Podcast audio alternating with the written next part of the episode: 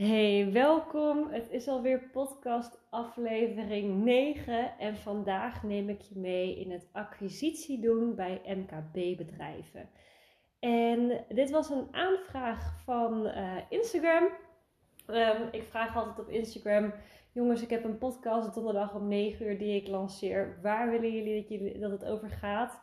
En deze kwam twee of drie keer terug. terug. Vooral het acquisitie doen, maar dan ook uh, niet via Instagram, maar gewoon echt bij, uh, bij de grotere bedrijven en hoe je daar dan binnenkomt.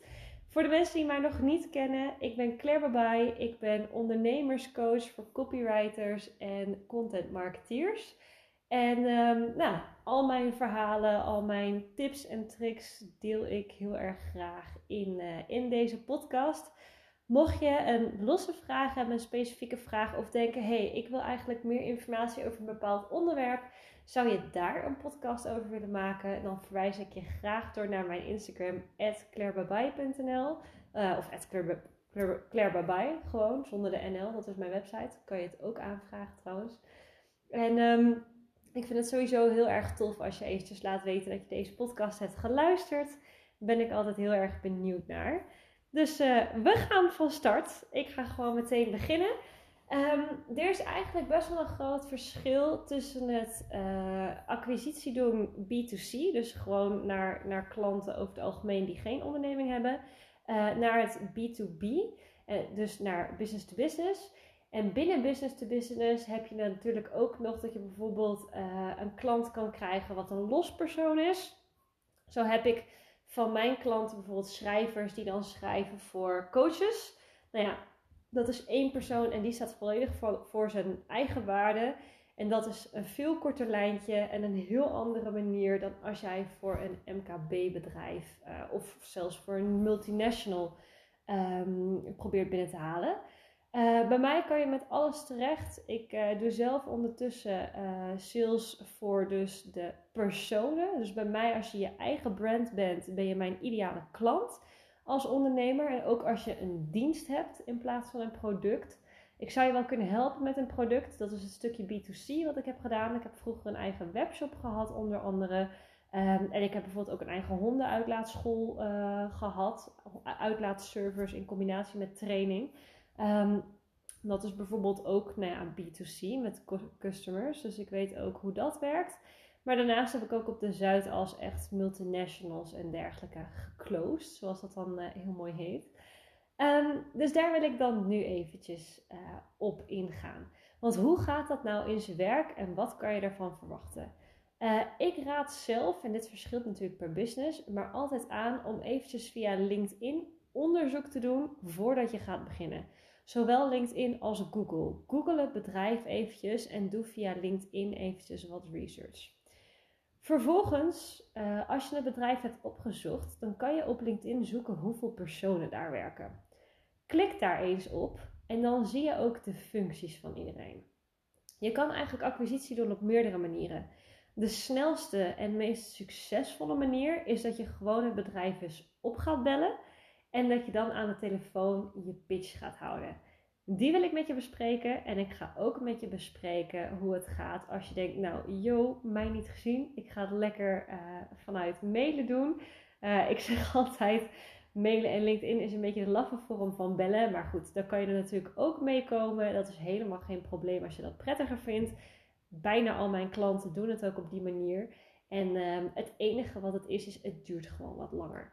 Dus uh, als je uiteindelijk wat succesvoller wordt, dan uh, heb je ook minder tijd en dan uh, ga je waarschijnlijk uiteindelijk alsnog over naar bellen. In beide gevallen ga je eerst naar LinkedIn. En wat ik dan altijd doe, ik kijk eventjes naar de mensen die daar werken. Ik kijk een beetje wat voor soort type mensen het zijn, wat ze aan hebben op hun profielfoto's. En vooral ook als je naar beneden scrolt op LinkedIn, heb je natuurlijk het bedrijf en een beetje het verhaaltje daarover. Dat is meestal het verhaal wat ze moeten vertellen van het bedrijf waar ze voor staan. Daar staan dus de dingen die zij belangrijk vinden. Mijn klanten zijn over het algemeen copywriters of content marketeers. Dus zodra zij uh, acquisitie gaan doen bij een bedrijf wat, uh, ja, zeg maar wat groter is, dan raad ik altijd aan dat ze gaan kijken in deze lijst van personen die daar werken, wat voor soort functies er al allemaal bekleed zijn. Op het moment dat je namelijk gaat bellen naar een bedrijf of dat je over het algemeen ergens binnen wilt komen, dan is dat meestal via uh, wat je in de saleswereld de gatekeeper noemt, oftewel de HR-afdeling of de receptionisten.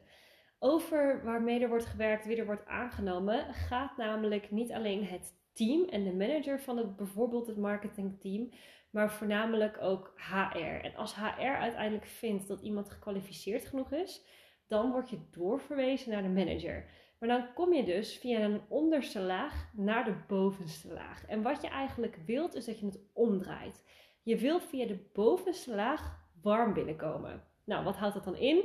Wat je wilt is dat je bijvoorbeeld de marketingmanager spreekt, dat die laaiend enthousiast is en dat die naar HR loopt en dat die zegt: Joh, uh, deze vrouw, meestal van mijn klanten zijn vrouwen, uh, deze vrouw wil ik binnen hebben. Dus als jij haar, uh, haar naam krijgt, stuur er door naar mij. Ja? Dus je wil eigenlijk om HR wil je heen. Want uiteindelijk kan je prima je pitch gaan voeren bij een HR of een receptionistendame uh, of hier. Maar die heeft alsnog geen idee hoe goed je ergens in bent. En dat zegt helemaal niks. Dus dan ben je eigenlijk gewoon een beetje tijd aan het verdoen. Ik vind ook dat je dat eigenlijk beter niet kan doen. Tenzij je pitches moet oefenen. Dan is het een hele goede manier. Maar, uh, dus dat wil je eigenlijk vermijden. Nou, hoe vermijd je dat dan? Um, wat ik dus altijd doe, is ik kijk, oké, wat voor type mensen hebben ze al in het marketingteam? Hebben ze bijvoorbeeld al überhaupt een marketingteam? Misschien nog helemaal niet, hè? Zo niet, dan zoek je het een stapje hoger. Dan is het waarschijnlijk de CEO, de founder, die je dan wil spreken. Want dan is het bedrijf dusdanig kort dat je wel dat lijntje kan maken. Nou, dan ga je bijvoorbeeld, uh, stuur diegene een berichtje. Wat ik eigenlijk altijd doe, is eerst een connectieverzoek sturen. En dat connectieverzoek doe ik zonder dat ik uh, verder daar een berichtje bij typ. Je kan daar wel een beperkt aantal tekens in doen, dat doe ik niet. Het komt omdat ik als copywriter zoveel acquisitie aan het doen was altijd. Dat ik gewoon al die managers toevoegde. En de managers die mij dan accepteerden, die waren waarschijnlijk al op mijn profiel geweest. Die dachten al, nou misschien Claire, is Claire wel interessant die accepteer ik. En dan stuurde ik een berichtje. Dan kwam ik ietsje warmer binnen dan uit het niets. Want dan kan je zeggen: hey, dankjewel dat je mijn connectieverzoek hebt geaccepteerd. Um, super tof. Ik zie dat je inderdaad al op mijn profiel hebt gekeken. Um, ik heb eventjes research gedaan naar jullie bedrijf. Dus wat heel erg belangrijk is, en wat veel mensen doen, is ze beginnen meteen over zichzelf. Ik ben copywriter, ik heb zoveel ervaring en misschien kan ik iets voor jullie doen uh, uh, uh, red flag, red flag, red flag. Dat vinden ze helemaal niet interessant. Wat wel interessant is, is dat je echt hebt ingelezen in het bedrijf. Dus, hey, ik weet dit en dit van jouw bedrijf. Daarvoor is mijn tip, ga naar de website. En vaak heb je bij de wat grotere bedrijven een nieuwspagina. Weet je wel, zo'n nieuwtjespagina of een over mij pagina of een soort van aankondigingenpagina. Heb je dat niet? Kijk dan even op, op hun laatste bijdrage in LinkedIn. Misschien hebben ze wel Instagram. Maar kijk eventjes waar ze de laatste tijd over hebben gedeeld. Waar ze namelijk over delen, komt van de marketingafdeling, komt van de schrijvers daar. En dat zijn de dingen waar zij nu mee bezig zijn. En de meeste ondernemers, die kijken hier helemaal niet naar. Die willen alleen maar sales binnenhalen. En die hebben geen idee, die praten alleen maar over zichzelf. Dus jij komt heel goed binnen als jij zegt: Goh, weet je, ik heb eventjes op jullie website gekeken. Ik vind jullie een interessante uh, organisatie. Ik ben naar de informatiepagina geweest en nou zie ik dus dat jullie met een reorganisatie bezig zijn. Uh, heel benieuwd wat dat voor jullie doen, weet je. Houdt dat in dat, we, dat het marketingteam in stand uh, blijft? Wat is de reden hiervoor? Hoe voelen jullie je hierover? Weet je, zoiets. Of joh, ik zie dat jullie volgende maand een, uh, of, of gisteren een teamuitje hebben gehad. Uh, hartstikke tof. Um, jullie zijn naar een escape room gegaan. Is dat door de marketingafdeling georganiseerd? Ik krijg trouwens ondertussen een melding binnen dat ik over een half uurtje een hypnose sessie heb met mijn, mijn groep. Dus uh, excuses als je de melding ook binnen hoorde komen. Dat is van mijn agenda. Um, maar goed, dus dan kijk je van, joh, ik ja, ben heel erg benieuwd. Dat teamuitje, die escape room, is dat door HR georganiseerd? Hebben jullie dat als marketingafdeling gedaan? Uh, ik zit ook in de marketing, super benieuwd hoe jullie dit aanpakken.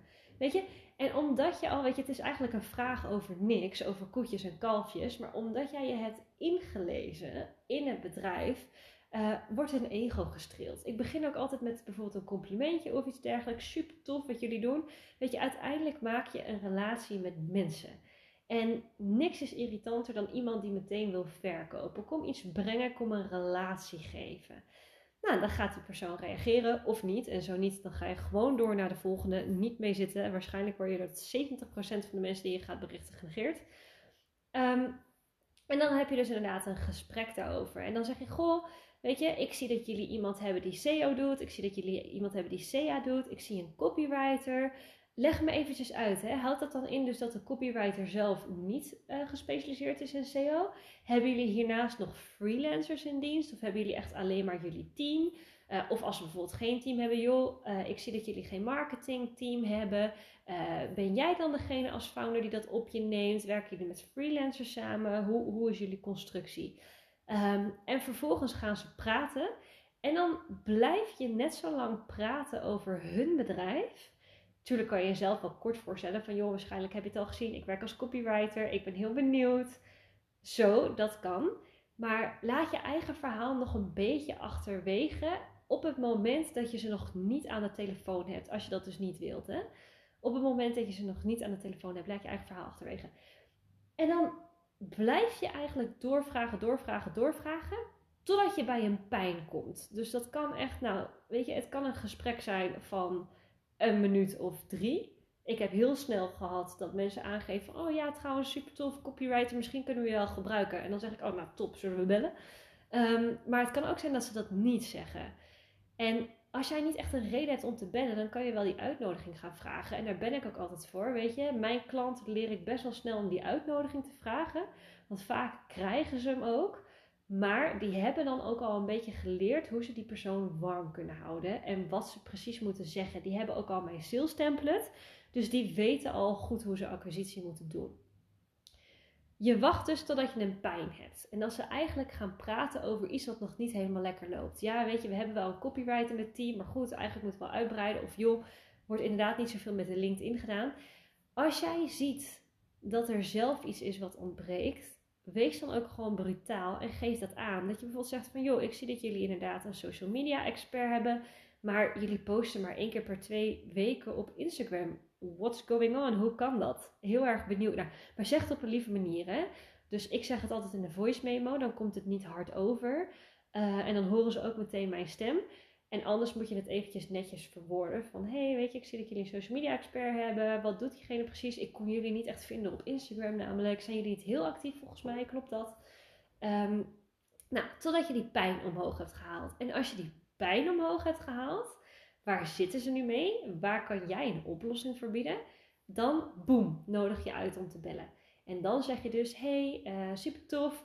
Um, dit is precies hetgene waar ik mee help. Ik wil ook heel graag mezelf voorstellen. Eventueel kunnen we wat voor elkaar betekenen. Uh, laten we anders gewoon eventjes bellen. Want we zijn nu een beetje, weet je, het kost ook tijd om, uh, om zo die LinkedIn messages te doen. Kan je anders nu eventjes bellen? Heel laagdrempelig. Zeg ook gewoon het woordje kort, hè? Kan je anders even kort bellen? Uh, dus dan weten ze dat ze niet een half uur daarvoor uit hoeven trekken. Vaak is dat dan alsnog het geval. Maar goed, als ze dat van tevoren al weten, dan, dan gaan ze er niet in mee. Dus uh, dat doe ik op die manier. Dus dat is de manier via LinkedIn. En hoe je dan vervolgens het salesgesprek uh, doet, dat leer ik je in mijn sales template. Uh, en dat is een template die je op mijn website kan krijgen. clairebebij.nl slash sales-template. Volgens mij is dit de link. Kijk anders even in mijn hoofd, homepage. Zie je hem ook staan. Um, en dat is hoe ik helemaal het salesgesprek aan de telefoon aankleed. Mocht je nou denken van, hé, uh, hey, ik, ben, uh, ik wil eigenlijk meteen dit via de telefoon doen, dan kijk ik dus alsnog naar de persoon. Wie is dit eigenlijk? Hoe uh, kom ik daarmee in aanraking? En vervolgens bel ik gewoon het bedrijf als ik niet een privé-nummer zie staan op LinkedIn van de persoon zelf.